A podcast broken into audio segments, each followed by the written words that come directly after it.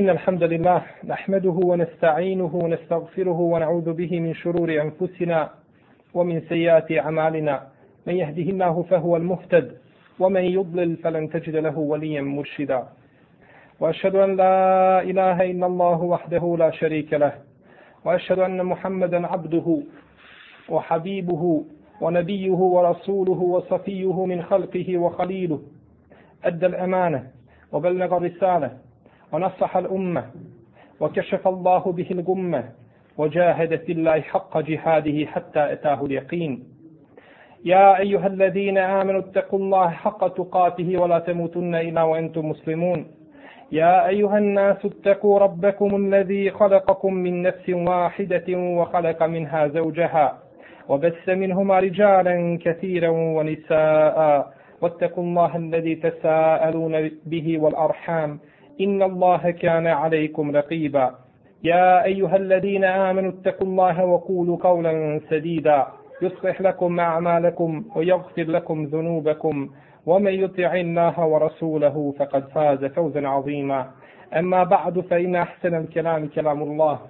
وخير الهدي هدي محمد صلى الله عليه وسلم. والشر الأمور محدثاتها. وكل محدثة بدعة. وكل بدعة ضلالة. وكل ضلالة في النار. Cijenjena moja braćo, uzvišeni Allah Đelešanuhu je objavio svome posljednjem poslaniku Muhammedu alaihi salatu wasalam najpotpuniju objavu i najčastniju knjigu koja će ostati do sudnjega dana. Kaže Allah Đelešanuhu Inna nahnu nezemne zikr wa inna lehu lehafivun. Mi smo u istinu objavili ovu opomenu Kur'an i Kerim i mi ćemo ga čuvati. Lehafivun i mi ćemo ga u istinu čuvati. Ovdje je došao glagol u arapskom jeziku lehafivun. Uvijek ćemo ga čuvati. Obnavljat će se to čuvanje do sudnjega dana i neće se iskriviti. Prvo što je uzvišeni Allah Đelešanu objavio u ovoj časnoj knjizi jesu bila riječi Allaha Đelešanu ikora.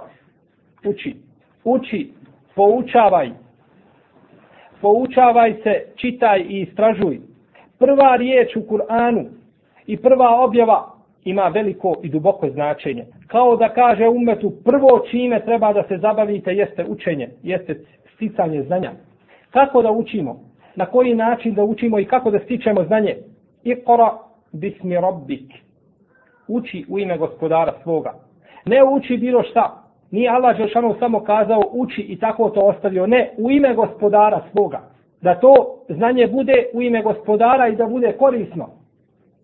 Jer je Allahov poslanik alaihi salatu wasalam tražio od Allaha Đelešanu zaštitu utočište od znanja koje ne koristi. Danas ima dosta učenjaka koji imaju nekakva znanja, ali im ta znanja neće koristiti ni na Dunjaluku, niti na Ahiretu, nego će imati od njih samo možda kaznu. Da ima čovjek korisno znanje, uči u ime gospodara svoga. Ko je taj gospodar? Kako je njegovo svojstvo? Allazi khalaqa, koji te je stvorio? Uči u ime gospodara svoga koji te je stvorio, koji ti je život dao, koji ti je razum dao i tim razumom te odlikovao na drugim stvorenjima, nad životinjama. Uči u ime gospodara svoga plemenitog. Više od 700 kuranskih ajeta ukazuje na sticanje znanja, na prosjetu, na edukaciju i tako dalje. Bilo da su direktnog ili indirektnog karaktera. Kaže poslanik alaihi salatu wasalam, Talebul ilm faridatun ala kulli muslim. Sticanje znanja je obaveza, faridat, stroga naredba svakom muslimanu. Ovaj hadis je zabilježio Ibn Mađe, Ibn Abdul Ber i drugi, a imam sujuti ga navodi sa preko 50 različitih puteva i njegova vjerodostojnost je utemeljena u sunnetu Allahovog poslanika, alaihi salatu wasalam. Znači mora se sticati znanje. Ovdje se kaže kullu muslim, svakom muslimanu ima jedan hadis u kome se kaže svaki musliman i muslimanka da su obavezni da stiču znanje, no međutim taj rivajec ili to predanje je slabo i nije vjerodostojno. Ali kad se kaže svaki musliman, to obuhvata i žene također. Znači, obaveza je muslimanima da stiču šerijatsko znanje. I odlika šerijatskog znanja i onoga ko nauči nešto od šerijatskog znanja je velika. I to će biti tema našeg večerašnjeg predavanja znanje i vrijednosti znanja u islamu. Veliki islamski učenjak šehhul islam Ibn Qayyim je pobrojao vrijednosti znanja i svrstao ih u oko 130 skupina. Vrijednosti znanja u islamu svrstao je u 130 skupina. Dokazujući svaku od njih šrijetskim argumentima. Znači, nemoguće je da govorimo u tom smislu kako je govorio šehol Islam ibn Kajim. No, međutim, spomenut ćemo nešto od tih fadileta i odlika koje pripadaju učenima. Kaže Allah Želešanuhu, šehid Allahu ennehu la ilaha illa hu, wal melaiketu, wa ulul ilm, qaiman bil qist. La ilaha illa hu, al azizul hakim. Kaže, svjedoči Allah Želešanuhu, da nema Boga osim njega. Uzvišeni stvoritelj subhanahu wa ta'ala svjedoči svome vahdanijetu i svojoj jednoći, da nema drugog gospodara mimo njega. I to svjedoče njegovi meleki, u ulul ilm i učeni. Allah Želešanu svjedoči da nema drugog gospodara osim njega. I njegovi meleki i učeni. Nema drugog Boga osim Allaha Želešanu koji je silan i mudar. Ovaj ajet može se pogledati sa različitih aspekata i mogu se iz njega izvući brojne pouke i dokazi o odlici znanja i učenih. Prvo je to što uzvišeni Allah Đelešanuhu je ovdje spomenuo ulul ilm učene, a nije spomenuo druge ljude. Nije spomenuo ni pobožnjake, ni one koji daju svoj metak na Allahom putu i tako dalje. Ne, nego je spomenuo samo učene i učeni. Allah Đelešanu i njegovi meleki i učeni. Znači prvi dokaz koji se izlači iz ovoga ajeta i prva pouka jeste to što je Allah Želešanu spomenuo učene, a nije spomenuo druge ljude i drugi jeli svijet. Druga stvar jeste to što je Allah Želešanuhu ovdje uporedio svjedočenje svoje subhanahu wa ta'ala sa svjedočenjem meleka i ljudi učenih. Pa je svjedočenje i šehadet učenih upoređeno sa Allahom i Želešanu šehadetom, koji sam za sebe subhanahu wa ta'ala svjedoči da nema drugog božanstva mimo njega. Treća stvar jeste to što je Allah Želešanu ovim pohvalio učene ljude. Jer Allah Želešanu neće uzmati za svjedoka osim pravednog i iskrenog. A uzeo je meleke od svojih robova i uzeo je učene.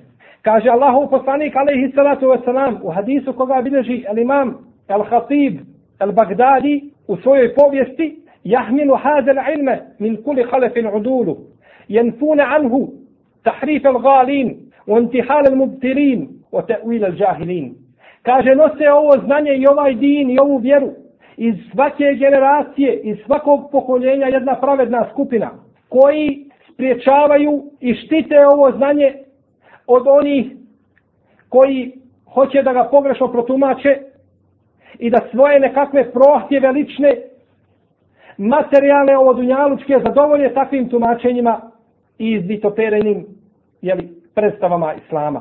Četvrta stvar koja se nalazi u ome ajetu jeste to što je Allah Đelešanuhu uzeo učene da mu svjedoče za najveću stvar. A to je svjedočba šehadeta da nema drugog gospodara osim Allaha Đelešanuhu.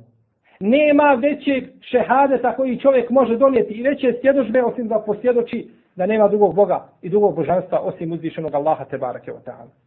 To je najveće što čovjek može kazati. Riječi koje će na sudnjem vagu, riječi koje će na sudnjem danu imati na vagi takvu težinu da se ništa ne može usporediti sa tim riječima. I tu je uzvišeni Allah Želešanu na takav način pohvalio učene. Kaže Allah Želešanu u drugom ajetu وَلَا تَعْجَلْ بِالْقُرْآنِ مِنْ قَبْلِ أَنْ يُقْدَى إِلَيْكَ وَحْيُ وَقُرْ رَبِّ زِدْنِي عِلْمًا I kaže nemoj žuriti o Allahov poslaniće ti sa učenjem Kur'ana, prije no što, si, no što ti se završi njegova objava, nemoj žuriti i reci gospodaru moj, povećaj mi moje znanje. Poslanik sallallahu alaihi wa sallam bi žurio učeći Kur'an bojeći se da ga ne zaboravi. Pa Allah Želešanu ga sminuje da nema potrebe da to čini. Se nukri uke fela tensa. Allah će Želešanu u tebe poučiti, ti neće zaboraviti. Illa maša Allah. Osim ono što Allah Želešanu hoće da zaboraviš. Nećeš ti zaboraviti op opomenu i objavu. To se ne može tebi desiti. Poučit će te Allah i objava će biti upotpunjena. Oku robbi zidni ilma i reci gospodaru moj povećaj mi moje znanje. Allah Želešanu nije nigdje poslanika sallallahu alaihi wasallam zadužio da traži povećanje mimo onoga što mu je Allah Želešanu dao osim u znanju. povećaj mi znanje. Nije tražio ni dunjaluk ni ništa, nego da mu poveća njegovo znanje. Iako mu je Allah Želešanu dao znanja, što nije dao nikada nikome od svojih stvorenja. Ovdje znači Allah Želešanu naređuje svome poslaniku, alaihi salatu wasalam, da traži od njega povećanje znanja, jer znanja nikada čovjeku nije dosta. I čovjek koji kaže za sebe dovoljno sam naučio i ne trebam nikada učiti više, taj je najveći džahil. I taj u istinu ništa ne zna. Ili onaj ko smatra da je dostigao stepen da nema potrebe za knjigom. Jedan brat kaže, naš musliman, ima deset godina kako sam završio medresu. Nikada knjige nisam uzeo u svoje ruke. Niti imam potrebe da uzimam. Ne osjećam potrebu nikakvu. Takav je donio presudu o sebi. On je kazao ko je. Nema potrebe da drugi govore ko je i šta je. Sudi sam sebi. Poslanik sallallahu alaihi wa sallam je od Allaha Đelešanu tražio da mu poveća njegovo znanje. Korisno znanje da mu da i Allah Đelešanu mu je dao znanje sve dok nije sreo svoga gospodara. Dok se nije vratio Allahu Đelešanu i moje znanje mu je objavu. I to je znanje prenosio u zadnjim momentima svoga života na ajširom krilu prije no što će se vratiti svome gospodaru Allahu Đelešanuhu. Poslanik sallallahu alaihi wa sallam proklinje židove i kršćane koji su uzeli kabure svojih poslanika mesčidima, koji su gradili bogomolje na kaburovima. Da zadnje dana poučava muslimane akidi i fiku i drugim propisima. Primo je znanje i poučavao je druge tom znanju. I kaže Allah Đelešanuhu, jer fa illahu allazine amenu minkum, وَالَّذِينَ utun الْعِلْمَ دَرَجَاتِ I kaže Allah Đelešanuhu će uzdignuti od vas one koji vjeruju i kojima je dato znanje. Wallahu bima ta'amaluna khabir. Allah Đelešanu je dobro obavješten o onome što činite. Uzdići će Allah Đelešanu od vas one koji vjeruju, iman. I to je osnova. I čovjek počinje od imana. Od šehadeta da nema drugog gospodara mimo Allaha Đelešanuhu I on je jedini taj koji zaslužuje da mu se ibadet čini i da je poslanik alaihi salatu wasalam njegov rob i njegov posljednji poslanik. Nakon imana u Allaha Đelešanuhu prvo što spominje Allah Đelešanuhu ovdje jeste znanje. Da će uzdignuti učene. Da će njima dati stepene i dređe. Nije rekao pobožnjacima.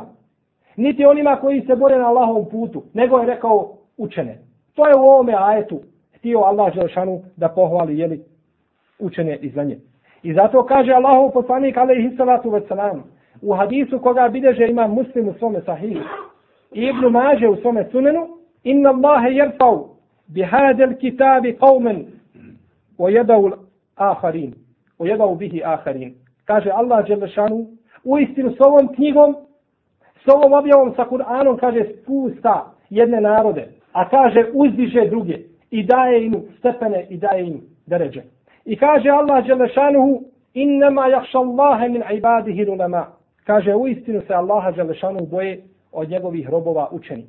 Učeni se boje Allaha Đelešanuhu zato što učen čovjek koga je Allah Želešanu obskrbio šarijatskim znanjem, zna ko je Allah Želešanu. Ispoznao je svoga gospodara. I on je najpreći da ga se, jeli, da ga se boji. Jer ako se učeni neće bojati Allaha Đelšanu, ko će se bojati? Onaj ko nije svjestan i ko nije ubjeđen u Allahu Đelšanu kaznu ili u njegovu milost, kako će ga se bojati ili kako će se nadati nešto od Allaha Đelšanu. Kažemo skoro jednom bratu da ti Allah oprosti i da ti da svako dobro i svaki hajde. Kaže, ne treba mene Allah opraštiti. Ako hoće, kaže, neka mi oprosti, ako neće, ne mora mi oprostiti. Kažemo, Allahov robe, nemoj kazivati tako i nemoj tako govoriti. Kaži, Allahu, gospodar moj, oprosti mi i nemoj me kazniti za moje grijehe, nego mi oprosti i nemoj me obračunavati za ono što sam činio. Ne kaže, neka mene Allah Žešanu obračuna za ono što sam činio i neka me nagradi ili kazni onako kako treba da se kažnjava. Neće Allahu milosti, Allahu rahmet. Takav ne zna Allaha Želešanu. Nije, on ne zna da on nije ubijeđen da je Allah Želešanu ovaj, da ima rahmet i da će oprostiti svojim robovima neke prestupe. A s druge strane nije neubjeđen u kaznu, jer da je u tu kaznu ne bi tako govorio. Ne bi se utjetio Allahu Đelšanu te kazne. Rečeno je jedne prilike imamu Šabiju, jednom poznatom tabinu, ja alim, o učenjaku, pa je rekao, inne men alim men jahša Allah. Kaže, rečeno mu je o učenjaku, Pa mu je imam Šabi odgovorio, kaže, učen je onaj ko se boji Allaha Đelešanu.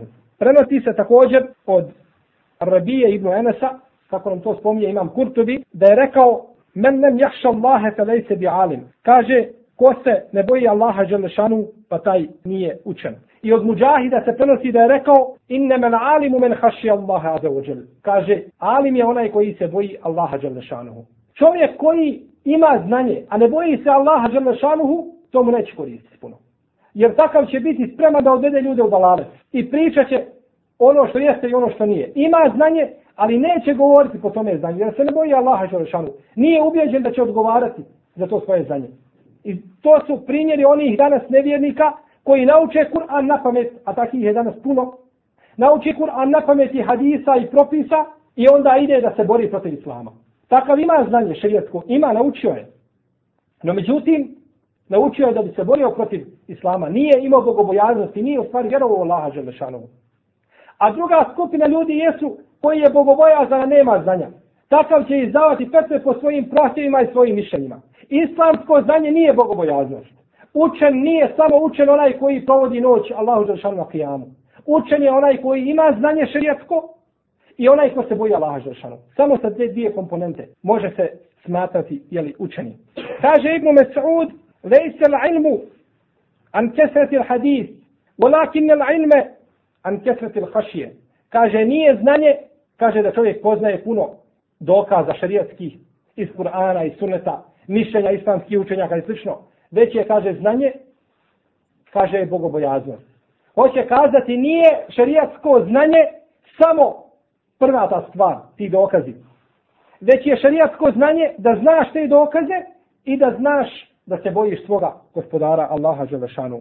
Znači, pravo znanje jeste poznavati šarijatske dokaze i argumente, znati vagati između njih i bojati se Allaha Želešanu. Znači, kad ti dokazi, ispoznaje ti dokaza, budu krunisani sa bogobojaznošću, e onda je čovjek učen. I onda se smatra, jeli da je poznavac Allahove Đelešanovu vjere. Kazao je Mesruk, jedan poznati tabin, dovoljno je čovjeku, kaže, od znanja da se boji Allaha. To jeste jedan dio od znanja, jeste da se boji Allaha. A kaže, dovoljno je čovjeku od neznanja i džahla da bude zadivljen sam sobom da se čudi sam sebi. Da stane pred ogledalo i sam u sebe gleda i čudi se. Kako sam učen, kako sam dobar, kako sam ovakav, kako sam onakav. Kada čovjek dođe na taj stepen, nad takvim u istinu treba plakati i treba ga požaliti. I treba moliti Allaha Đelešanu da ga oslobodi tih resesa i tog šara kojim ga je Allah Đelešanu iskušao. I zato ima Ahmed kad jedne prilike ušao sa Ibnu Ma'inom u jedan mesčit, pa mu je rekao Ibn Ma'in, kaže, ako smatraš da si bolji od bilo koga u ovome mesčidu, a to je obični svijet sjedio tu, a tako mi Allaha ima Mahmed je bolji od takvih generacija. I hajr koji je učinio ima Mahmed i dobro za islam, nisu možda takvi učinili pokoljenja. I bolji je sigurno od njih. No međutim, kaže mu, imam Ibn Ma'in, iz poniznosti prema tome svijetu, kaže, ako se smatraš da si bolji, kaže, od njih, kaže, ti si, kaže, u velikoj zabludi. I kaže, bojati se za tebe. Znači čovjek koji je da bude uvijek ponizan, a ne da sam sebe izdiže i da sam sebe ubijedi da je neko i da je jeli nešto. Zato je rečeno davno u jednoj arapskoj izreci Men kjane billahi a'ras, kjane lillahi ahwas. Kaže, ko bude više poznavao svoga gospodara i više znanja ima o svome gospodaru, bit će bogobojazniji. Jer kako da se čovjek boji Allaha Đelešanu ako nije spoznao svoga stvoritelja? Kako da poznaje ili kako da ima znanje o nekoj stvari, a nikada je nije vidio i nikada nije ništa o njoj doznao?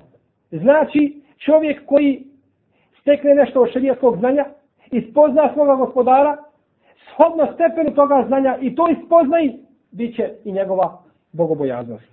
I zato se prenosi od imama Šafije, kako bilježi Ahlu Taražim, oni koji su govorili o prenosiocima hadisa i tako dalje, da jedne prilike imam šafija bio kod svoga učitelja Vokije, Vokija ibn Đarrah. Iako postoji razilaženje, neki kažu da ga nije nikada ni vidio. No međutim, spominjemo ovaj stih zato što se on često spominje u arapskoj poeziji. Pa kaže da je došao imam šafija Vokiji i kazao, a Vokija ibn Đarrah je veliki ovaj jedan hadijski stručnjak i učenjak i pobožnjak. Pa mu je rekao, kaže, kaže imam šafija, govori šta mu je kazao, kaže, Šekjautu ila waki'in su'e hifli, fa aršedeni ila terkil naasi, wa ahberni bi ene ilme nurun, wa nuru Allahi la juhda li naasi. Kaže, došao sam, kaže, i požalio sam se Voki, kaže, da slabo pamtim, da imam slabo pamćenje, ne mogu zapamtiti. Odmah našta ga je upozorio njegov profesor i njegov učitelj, kaže ostavi se griješenja. Kaže jer je znanje Allahov nur i Allahovo svjetlo. Allah ne da svoje svjetlo čovjeku koji griješi. I zato je Selef govorio kada bi mu bila nepokorna žena ili jahalica, odmah bi prekontrolisao sam sebe. Šta je sa njim? Ova nepokornost nije izišla tek tako. Žena, brate, kad ti je nepokorna, zapitaj se prvo ti za sebe samoga. Šta sam ja to Allahu Đelešanu zgriješio? Gdje sam ja to fiksao pa da me Allah žanu iskušao s tim? Tako je Selep se vraćao. Prije što se obraćao ili ženi ili jahalici, zbog te nepokornosti, obratio bi se Allah Đelešanu i popravio svoj odnos sa svojim stvoriteljem Azeuđem. Također od dokaza koji ukazuju na odliku učenih jeste i ajet u kome Allah Đelešanu kaže jes elune kemaza uhilla lehum. Pitaju se šta im je dozvoljeno da jedu od hrane. Kul uhilla lekum tajibatu reci dozvoljavaju vam se lijepa jela. Oma alentum min el džavarihi mukellibin. I kaže ono što vam ulove vaši psi koje ste vi poučili za lov. Tu allimune hunne mimma allemekum Allah. Poučavate ih onome čemu je vas Allah Đelešanu poučio. Tekulu mimma em sekne alejkum وَذْكُرَ اسْمَ اللَّهِ عَلَيْهِ وَاتَّقُوا اللَّهِ إِنَّ اللَّهَ سَرِيُّ الْحِسَابِ Poučite ih onome čemu vas je Allah Želešanu poučio i kada vam ulove tu žrtvu, kada vam je donesu nakon lova, kada je vi pogodite, kaže, spomenite Allahovo ime i jedite to i bojte se Allaha, u istinu Allah Želešanu brzo račune svodi. Ovdje Allah Želešanu pravi razliku između poučenih i nepoučenih pasa. Pa pas koji je poučen za lov, kada donese žrtvu, on je može donijeti na način da ne opestini tu žrtvu. Da je uzme za krilo ili za rep i za slično i da je donese i da je tako može preklati da je može jesti. No međutim, nepoučeno pas će to neće učiniti. Ako je nađe živu, on će uzeti zavrat pa će udaviti. Pa je Allah Žešanu napravio bitnu razliku između poučenih i nepoučenih pasa. Kažu islamski učenjaci mu Fesiri, kad je Allah Žešanu napravio razliku između pasa, poučenih i nepoučenih, kakva je razlika, kaže, između učenih i neučenih ljudi onda je tu preče da se napravi jedna granica, jedan paravan. Ajet kroz koji Allah šanu hoće da ukaže indirektno na vrijednost znanja i na vrijednost jeli, učenja i poučavanja. I kaže također Allahu poslanik alaihi salatu wasalam u hadisu koga bilježe Buharija i Muslim men yuridillahu bihi hajra kome Allah šanu hoće dobro yufaqihu fid din kaže poučit ga propisima njegove vjere. Kad Allah šanu hoće dobro robu prouči, pouči ga nečemu od njegove vjere. Iz ovoga hadisa se može razumjeti onim putem mefhumu muhalafe, a to je izvođenje suprotnog zaključka, kao na primjer kada bismo mi kazali ko večeras klanja jaskiju namaz u džematu, ima takvu i takvu nagradu. Iz toga se razumije, iz tih riječi, da onaj ko ne klanja jaskiju u džematu večeras, nema te nagrade. Jer ako bi tu nagradu imali svi, oni koji klanjaju i koji ne klanjaju, kakva bi korist bila da kažemo oni koji klanjaju u džematu? Onda bismo kazali imaju svi nagradu. E tako ovdje poslanik sallallahu alaihi wa sallam kaže, kome hoće Allah dobro i hajr, pouči ga vjeri. Iz hadisa se razumije, kome Allah neće dobro, neće ga poučiti njegovoj vjeri. I u istinu čovjek koji bude ovaj a, zabranjen ovoga fabla i ove dobrote, da bude poučen u svojoj vjeri, njemu je zabranjeno veliko dobro. A to čovjek može sam ko sebe uzročiti, može sam biti uzrokom da mu Allah šanu zabrani jeli, učenje znanja i da stiče znanje. Jer čovjek možda ponekad ima priliku da uči, ima slobodno vrijeme. Poslanik Ali Isra Salam kaže u hadisu koga bilježi imam Buharija, kaže dvije su stvari. Kaže ljudi su u pogledu tih stvari nemarni. Ne mare za njima niti vode brigu. Kaže to je kaže slobodno vrijeme i zdravlje. Ima čovjek slobodno vrijeme, ne zna ga iskoristiti. I dođemo vrijeme kad bude zauzet. 24 sata ne može naći ovaj kratak vremenski period za svoju porodicu, ni za što, uvijek je zauzet. I druga stvar, zdravlje, bolest, kad se čovjek razboli. Bio je zdrav, nije ti uši, kad se razboli, kaže da sam sad zdrav, vrijeme je prošlo. E zato čovjek kad ima priliku da uči i neće da uči, može ga Allah želšanu kazniti i da mu zabrani taj hajde i tu dobrotu i da zapečati njegovo srce i da takav više nikad ništa ne uči od dine i od vjere. I to je pravo zlo. Zato čovjek koji ima priliku neka se ne igra, jer Allah želšanu da svome robu priliku i da mu mogućnost. Kao što mu je dao na Dunjaluku mogućnost da radi da na sudnjem danu bio pitan za to. I neće moći na sudnjem danu reći gospodar moj vrati me da čini nešto. Govorit će, ali neće biti vraćen. Tako i čovjek. Imaš priliku da učiš i da stičeš znanje. Bilo da slušaš predavanja, kasete, da čitaš knjige, na bilo koji način da možeš naučiti, spoznaj i nauči što možeš. Jer može doći dan da te Allah Žešanu kazni i da ti zabrani, jer se igrao sa Allahom Žešanu blagodati njegovim njemetom. Kad ti on podario, da možeš učiti. Nisi htio iskoristiti, bojati se da te Allah Žešanu, jeli, a, da te Allah nakazi zbog tog propusta. Imam Ahmed braćo je govorio, kaže, ljudi su, kaže, potrebni znanja, nego kaže što su potrebni hrane i pića. Jer kaže, čovjek treba da jede jedan put ili dva puta dnevno, tako isto i da pije. Ali kaže, znanja treba koliko treba udisaja. Jer svaki posao da učiniš, trebaš imati znanje za taj posao.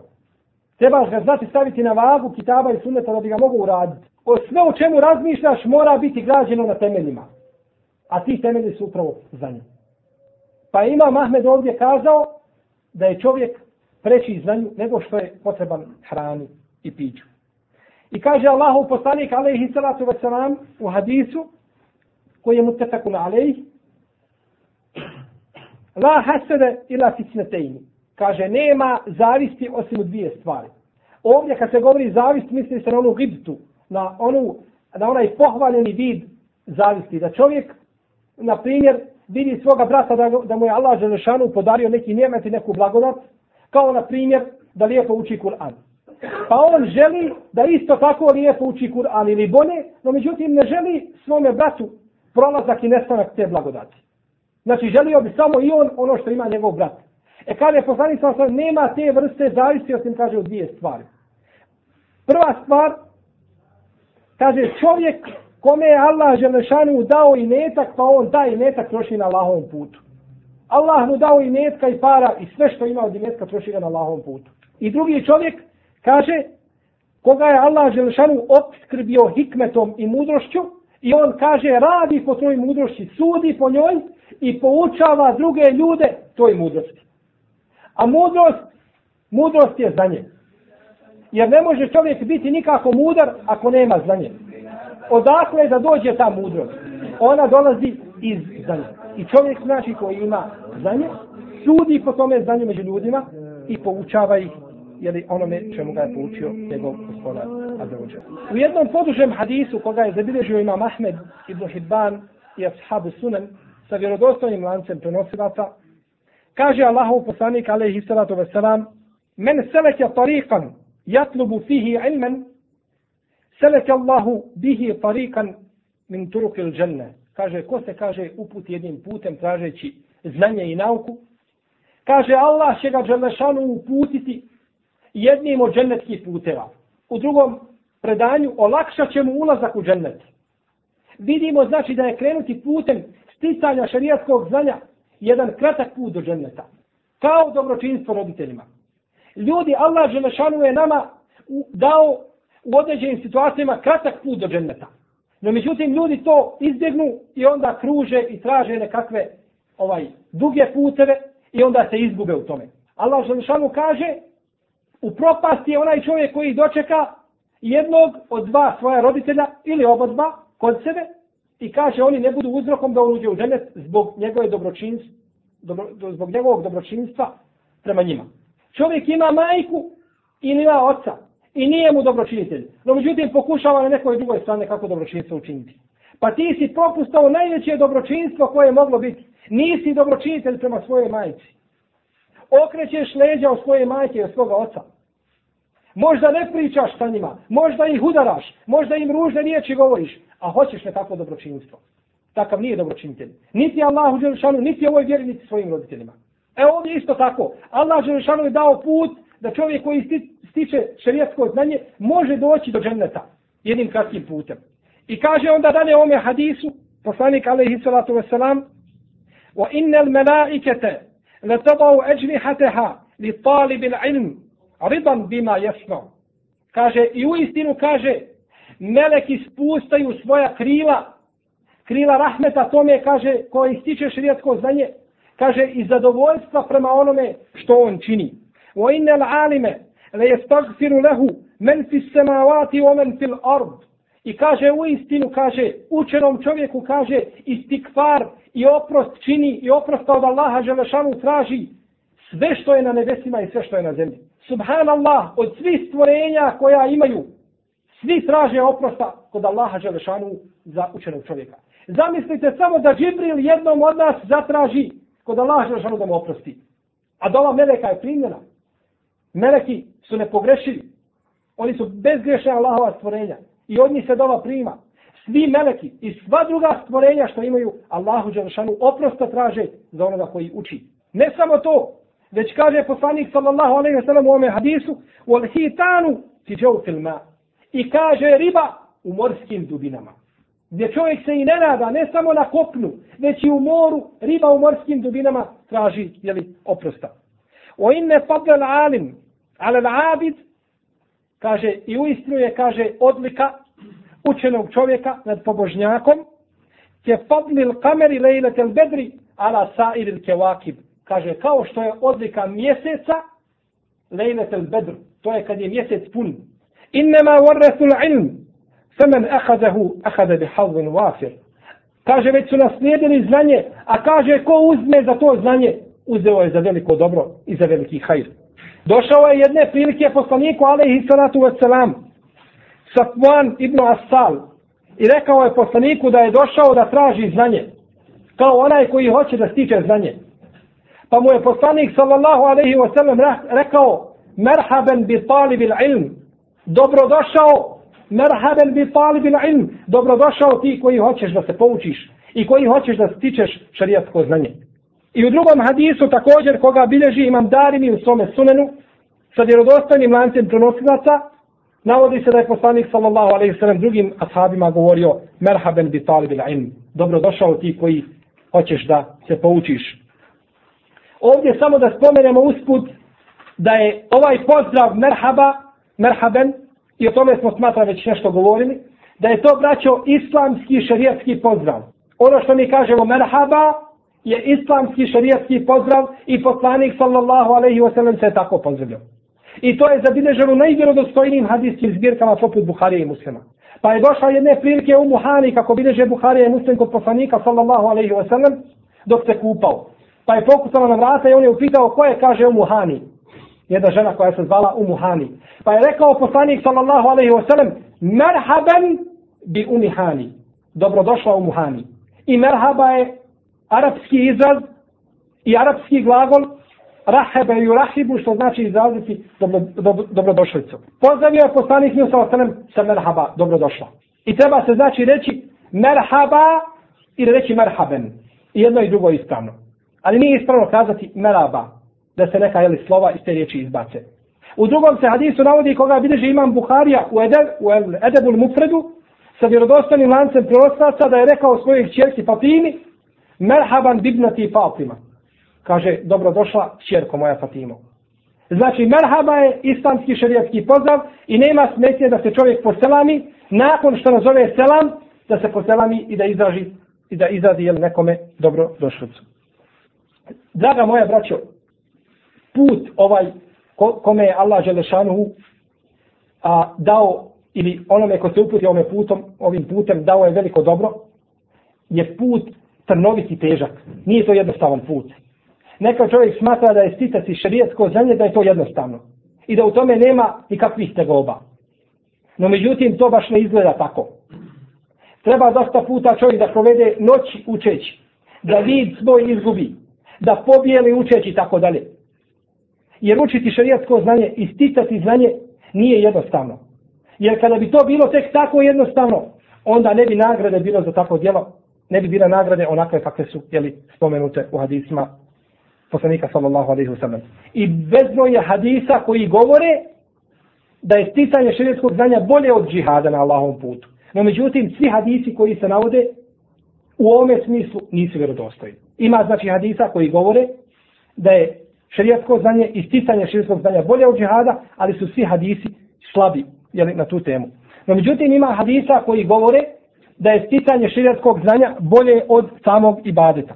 Pa kaže Allahu poslanik alejhi salatu ve selam: "Fadlu ilmi ala fadli ibade ke fadli ala ibnakum." Kaže odlika šerijatskog znanja nad ibadetom jeste kaže kao odlika mene na nad na nad slabijim od vas. Uzmite najslabijeg sahaba koji je bio ili od čovjeka iz ummeta, ovisno na što se odnosi, da ga usporedimo sa poslanikom sallallahu alejhi ve sellem. Nema sumnje da taj čovjek nije dostigo ni približno taj stepen. E tako je isto odlika učenja i sticanja širijskog znanja nad jeli, ibadetom. A u drugom hadisu kaže Allahov poslanik alejhi salatu ve selam kaže sticanje širijskog znanja draže mi je od ibadeta. I ovaj hadis je zabilježio imam Tirmizi sa vjerodostojnim lancem prenosilaca. A kod Ebu Nuajma u Hilijeti Leulija navodi se da je poslanik sallallahu alaihi wasallam rekao, kaže, a, odlika učenog čovjeka jeste, kaže, u odnosu na pobožnjaka, kao odlika mjeseca, one noći bedra, kad je pun, u odnosu na ostale, ostale zvijezde, ostala sazvježđa. I ovaj hadis, znači dio hadisa prethodno koga smo spomnjali. I zato imam neovi kaže da je odlika ibadeta niža od učenja i osticanja širijetskog znanja. I o tome je govorio u svome zlatom dijelu, El Međmua, i pojašnjavaju neke propise vezane jeli, za ovo fiksko pravno pitanje. I zato se prenosi od imama Ahmeda, kad je sreo Ebu Zura Erazija, kaže da nakon toga nije više klanio sunnete, nikako. Dok bi završio namaz, odmah bi se okrenuli, odmah bi prisjećali se hadisa i prepričavali šta koji ima od znanja. Tačno, čovjek koji je obavezno da klanja namaze, obavezne fardove. I nije dobro čovjeku da ostavi u potpunosti sunnete. Jer je put, ostavljanja sunneta je put da čovjek ostavi važive. No međutim ima Mahmed čime se je zabavio? Zabavio se sticanjem šerijatskog znanja koje je koristilo umetu. Da ima Mahmed provodio noći u ibadetu i dane u postu i nije ništa pisao i radio, ne bismo danas imali musneda od imama Ahmeda, koji ima oko 28.000 hadisa. Ne bismo imali danas fikska dijela i knjige u bezbroj tomova koje govore o mišljenju imama Ahmeda. Ne bismo imali učenjaka koji je stao kad se islam htio ovaj, jeli, uništiti. Kad je bilo, bio fitnet o stvaranju Kur'ana. Kažu islamski učenjaci da je islam sačuvan dva puta. U vrijeme Ebu Bekra, kad ga je čuvao od onih koji su bili otpadnici od vjere. Pa nisu htjeli davati, jeli, odnekli se nisu htjeli davati zekijat. I drugi put da ga je sačuvao u vrijeme Ahmeda ibn Hanbala, kada je bio fitnet oko stvaranja Kur'ana. Kada nije htio Imam Ahmed popustiti. I nije htio uzeti za Allahu Đelšanu olakšicu. Jer bi znao da bi to moglo izazvati veliki nered i veliki fesad. E da imam Ahmed bio pobožnjak, ne bismo imali danas imama Ahmeda. Šta je bilo pobožnjaka čija imena ne znamo? Ali imena islamskih učenjaka se spominju. I do sudnjeg dana ćemo govoriti, ali tako, šehhul islam ibn Taymiye, rahimahullah.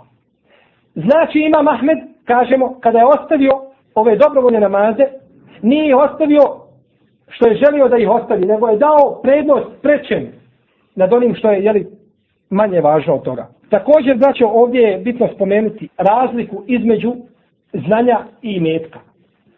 Jer čovjek često puta ostavi da, da se pouči nečemu od vjere zbog imetka i zbog dunjaluka. No međutim, da pogledamo kako su to islamski učenjaci uporedili znanje sa imetkom. Ibnul Kajim spominje 40 razlika između znanja i imetka. Mi ćemo navesti neke od njih. Prva od tih razlika jeste, kaže, znanje je, kaže, nasljedstvo Allahovih poslanika. A kaže, imetak je nasljedstvo bogatih i uglednih i tako dalje. Pa je nasljedstvo koje ostaje poslanici bolje od nasljedstva koje ostavaju bogati. Druga odlika ili, ili druga razlika jeste, kaže, znanje čuva čovjeka. Znanje je to koje čuva čovjeka da ne upadne u grešku. A kad je čovjek koji ima i metak, on mora da čuva svoj metak. I uvijek strahuje za svoj metak. Nije i metak taj koji čuva čovjeka. Dok s druge strane znanje čuva čovjeka. Treća stvar jeste, kaže, ulaganjem i metka, ono se uvijek troši. Kada bi čovjek imao i metak, ne bi ga obrto, ne bi radio sa njim i non stop davo zekat, to bi se sve istrošilo. No međutim, čovjek koji ima znanje i non stop ga ulaže, to se znanje povećava. I kaže, prenosi se od sada, sada su govorili, da je zekijat na znanje prenošenje tog znanja od druge. I što god čovjek više govori i više priča i više hoće dati zekijata od tog svoga znanja, Allah Žešanu mu daje bereket u njemu samom da i on više nauči i da ima jeli, uvijek više. Četvrta razlika jeste to što čovjek kada umre, koji je imao i metak, on se rastaje s tim imetkom. Ostavlja ga drugima. Ostavlja ga onima koji će ga trošiti, možda u hajru ili u šeru, nije bitno. Dok čovjek koji ima znanje nosi ga sa sobom u kaburu i dolazi na sudnji dan pred Allaha Đelešanu, a on učen. Neće čovjek koji je bio bogat na sudnji dan doći pa imati nekakvu odliku što je bio bogat. To neće imati. Ali će imati odliku ako je bio učen i ako je radio ili po tome znanje. Peta razlika jeste to što znanje sudi i metku, a i metak ne sudi znanju. Jer čovjek sa znanjem može doći do imetka, ali sa imetkom ne može doći do znanja. Može li neko plać, platiti pa da bude učen? Ne može. No međutim čovjek koji ima znanje može doći jednim ili drugim putem do toga imetka. Šesta razlika jeste to što kaže Ibn Kajim dalje, da imetak može do njega doći svi ljudi. No međutim kaže korisno znanje ne može doći do njega osim pravi vjernik i mu'min. Do korisnog znanja. Da mu koristi na dunjaluku i na ahiretu. Mora znači biti mu'min iskren Allahu Đelešanu, da mu Allah da da, jeli da mu da to korisno znanje. I sedma razlika jeste to što je kaže ljubav prema znanju i prema pokornosti Allahu Đelšanu je svaki hajdi svako dobro. A ljubav prema imetku i prema dunjanuku vodi čovjeka jednim ili drugim putom, putem jeli, u zlo. Kaže Allahu poslanik alejhi salatu wasalam također u hadisu koga bileže ima muslim i trojica od Ebi Hureyre da je Allahu poslanik alaihi sallatu wasalam kazao, sinu Ademovom kaže, kada umre, prekidaju se njegova dobra djela osim u tri slučaja. Sadakatun džarijetun, ta trajna sadaka koja se ostavlja, e u ilmun jentefiju bihi ili korisno znanje koje ostavi za sebe, e u voledun salihun jed'u leh, ili ostavi jeli, svoje dijete, pametno i za sebe dijete, koje se drži Allahove došanu vjere i njegovih propisa i kojemu dovučini. Navodi se također u hadisu kod imamo Tabaranije sa dobrim lancem prenosilaca, kaže četvorici nakon njihovog života se pišu dobra djela i spomenuje, jer od njih kaže men mate murabitan, murabitan fi sabilillah. Onaj koji kaže pogine ili umre na Allahovom putu, a on u ribatu. A on pripravan u pripremi na Allahovom putu, kaže i tako on se djela pišu nakon njegove smrti. Opet došlo je kod imama Bezara u njegovom usledu sa dobrim lancem prenoslaca, kaže sedmorici se nakon njihove smrti pišu dobra djela, pa je spomenuo, kaže men allama, men allama ilmen, kaže ko pouči nekoga, nekoga nečemu, nekakvom znanju, naravno korisnom znanju, e u eđra nehren, i ko pusti vodu da teče, da bi se ljudi mogli koristiti te vode, eu hafara bi'ran ili iskopa nekakav bunar da ljudi mogu piti prolaznici i svijet da se koristi time. Eu gare se nahlen i onaj ko usadi palmu voćku znači. Eu bena mesčiden ili onaj koji sagradi džamiju mesčid eu uarre se mushafen ili onaj ko ostavi nekome mushaf da bi se on koristio time i da bi on učio iz toga. I tako vam se piše nakon njegove smrti. Evo terek je voleden je stakfiru lehu bade mautihi. Ili kaže ostavi dijete koje ćemo kaže istihvar činiti nakon njegove jeli, smrti. Ovo je znači ono što čovjek ima od koristi nakon svoje smrti. Od onoga što ostavi. Znači navodi se u predanjima 3, 4 ili 7. I nema oprečnosti nikakve. Ono što je manje ulazi u ono što je veće. Pa znači ova tri ulaze u četiri i sva te onda četiri ulaze jeli, u ovih sedam kategorija. I zato, draga moja braća, uzvišen je Allah Đelešanu je napravio vidnu razliku između učenih i neučenih. I podijelio i to. I neće isvrstati. I na dunjalu je odlikovao učene i odlikovao će ih na ahiretu. Kaže Allah Đelešanu, kul hel jeste u illedine ja'lemuna u illedine la ja'lemuna. Reci, kaže, upitaj, da li se to, kaže, mogu isporediti, kaže, oni koji znaju i koji ne znaju. Innema je tezekkeru ulul albab. U istinu će pouku uzeti samo oni koji su razumom obdareni i koji pameti imaju. I kaže Allah Đelešanu, وَتِلْكَ الْأَمْثَالُ l'emsalu nadribu halin nas, wa ma ja'qiluha. Kaže, i to su, kaže, primjeri koji, koje mi ljudima navodimo, kaže, a neće ih razumjeti osim učeni. Primjeri navodi, navode se primjeri u Kur'anu. Allah Žešanu u Kur'anu navodi oko 40 ili više od 40 primjera. Primjer takav, primjer toga, primjer toga. Obarab Allahu meselen ashab al-qarije. I navodi Allah takve i takve primjere više od 40 primjera se spominje u Kur'anu. I Selef je, kada bi učio ove ajete, gdje se spominju primjeri, kaže se kada bi prošli pored tih ajeta i ne bi ih razumjeli, plakali bi. Jer je Allah Želešanu rekao, o tilkele emsalu nadri buhari nas, i kaže to su primjeri koje mi ljudima navodimo, Oma yaqiluha ila alimun, a neće kaže te primjere razumjeti osim učeni. Pa on kad bi prolazio pored tog primjera i ne bi shvatio pouku koja se krije u tom primjeru plakovi. Kaže, nisam učen. Jer je Allah što rekao da ih neće razumjeti osim učeni.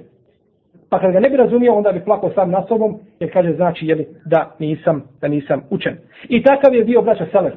Učen, i onda je ta njihova učenost vodila ih do njihove bogobojaznosti. Navodi Ibnu Kesir i Ahlu Tarađim općenito, spominju da je Zurare ibn Eufa, to je bio jedan poznati kadija u Kufi, kaže se da je jednog dana klanjao ljudima sabah namaz. I učio je ajete iz sure El Mudessir.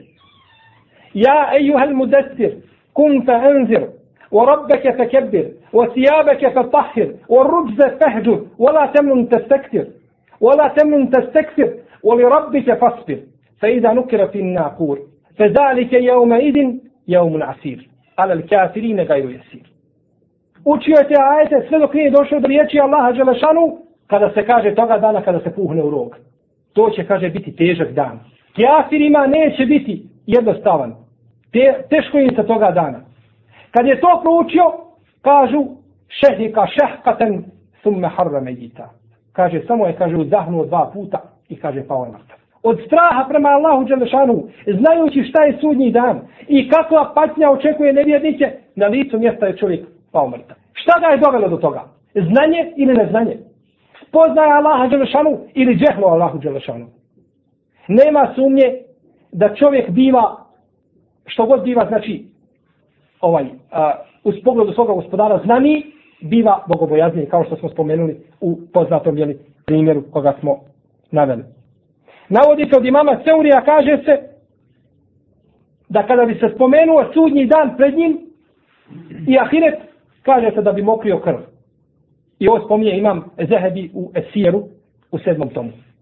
Dok mu se spomene sudnji dan, kada bi čovjek otišao vani, odmah bi krv mokrio. I zbog obojaznosti prema Allahu Đelešanu. Strah od Allaha Đelešanu. A navodi se od Omara radijallahu anhu, od tog brda, koji se nikad nikoga nije bojao, koji hijđu kad je činio došao kurejšema i kaže, ko hoće, kaže da ga majka poželi, i kaže da mu dijete siroma, siroma ostane, i da mu žena ostane u dovica, kaže ne krene za Omarom. Pa niko nije smio krenuti za Omarom. Nikad se nikoga nije bojao. Kad je čuo neke ajete, kada se uče, kaže se da bi po nekoliko dana ili sedmica bio u postelji, ne mogu nikako ustati. Ispostavljen. Šta je to Omera radi Allahu anhu dovelo do toga? Znanje Allahu Đelšanu, ispoznaje svoga gospodara. A prenosi se od Ibnu Wahba, jedan poznati islamski učenjak, on je imao svoje dijelo koje se zvalo Ahvalul Kabr. Stanja mezara ili kaburova i onoga što će se dešavati. Jedne prilike kaže sjedio i učio je to pred ljudima, čitao tu knjigu i te hadise i kaže čitajući te hadise umro je od straha. Od Allaha Đelšanu. Učeći i čitajući hadise koji govore o kaburskoj patnji izdaho je pred svijetom. Znači, draga moja braćo, u istinu znanje je to koje vodi čovjeka. I čovjek koji ima znanje, ima svjetlo, ima nur i na dunjalu koji na ahiretu. Onaj koji nema, neće ga imati ne na jednom ni na drugom svijetu. Mora čovjek nastojati da stekne od znanja ono što može ili, i koliko je mogućnosti. I nije dozvoljeno čovjeku kad nauči da krije za nje. Nekad se nekome možda ne sviđa ono što čuje. Upita i hoće odgovor kakav se njemu dopada. Kao da kaže ja te pitam, ali molim te odgovori me ovako i ovako, da se ja smirim. Ne. Šarijatsko znanje i istina se mora reći lijepim riječima. Da li to odgovaralo nekome ili ne odgovaralo, na to se ne može gledati. Istina se mora kazati. Poslanik sallallahu alaihi wa sallam kaže u hadisu koga bileži imam tabarani u svome al muađemu lausatu sa vjerodostojnim lancem prenosilaca, kaže čovjek koji istekne znanje, potom kaže neće da govori po tome znanju i neće da ga prenosi na svijet, kaže on je sličan čovjeku koji ima imetak i taj imetak on ga ostavlja i čuva ga i štedi ga i ne daje zekat na taj svoj imetak. I u drugom hadisu kaže Allahov poslanik alaihi salatu wasalam koga je zabilježio imam tabarani u mođemu kebiru imam hakim u svom usredneku sa također je lancem prenosilaca kaže ejuma ređulin atahullahu ilman sa ketemehu elđemahullahu jevme il qiyameti bili džamin min nar. Kaže svaki čovjek kome Allah želšanu da znanje na dunjaluku pa ga on sakrije i ne bude govorio po tome što zna, kaže Allah Želšanu će ga kaže na sudnjem danu zažvaljati sa žvaljama od vatre. Hoće da poslanik sa osrem hoće da ukaže ovdje da je obavezno čovjeku kad nešto nauči da mora kazati istinu i ne smije sakriti. To nije dozvoljeno. Mora kazati ono što, jeli, što jeste. I u drugom hadisu kaže poslanik sallallahu alejhi ve sellem govoreći o a, čovjeku ili o učenjaku koji ima znanje i koji govori drugom, ali sam se ne vlada po tome znanju, kaže primjer čovjeka koji ima znanje, a sam se ne vlada po njemu je, kaže, kao primjer svijeće. koja gori i drugima osvjetljava i drugima koristi, a samu sebe ništi i sama sagorjeva. Pa čovjek priča i druge, drugi, druge poučava kako će činiti i kako će raditi, a sam sebe zaboravlja. I onda sam sebi šteti. I to je došlo kod, u hadisu koga bilježi ima Mahmed u svojom ustavu sa vjerodostavim lancem prenosilaca, a slično tome i Buhari u svome sahihu, da će, poslane, da će na sudnjem danu doći čovjek koji će kružiti oko a, jedno, jedne osovine, kaže, kao magarac kada kruži, a njegova crijeva će izići napolje. Pa će doći ljudi pitati ga šta je to s tobom, za ti nisi bio taj na Dunjaluku koji si nama govorio i koji si nama na hajru kazivo. A sada si završio i tako si skončio, pa će kazati jeste. Pozivao sam vas na dobro, a nisam ga činio. A odvraćao sam vas od zla, a činio sam ga. Pa znači čovjek koji govori nešto, mora on biti taj prvi koji radi i koji se vlada po tome znanju, da bi mogao jeli, kod Allaha Đelešanu imati nagradu i da bi mogao zaslužiti njegovu milost subhanahu wa ta'ala. Molim Allaha Želešanu da nas pouči našoj vjeri, da nam da korisno znanje, ono znanje za koje je dovio Allahov poslanik alaihi salatu wasalam. I da nas nakon obskrbe tim znanjem učvrsti da radimo po njemu. I da se vladamo i da druge njemu poučavamo i da njemu pozivamo. I da nas na kraju spoji u džennetu sa našim poslanikom Muhammedom alaihi salatu wasalam i dobrim i ashabima, a divni su oni društvo. Wa sallallahu ala sejidina Muhammed wa ala alihi wa sahbihi wa sallam wa jazakumullahu khairal jazak.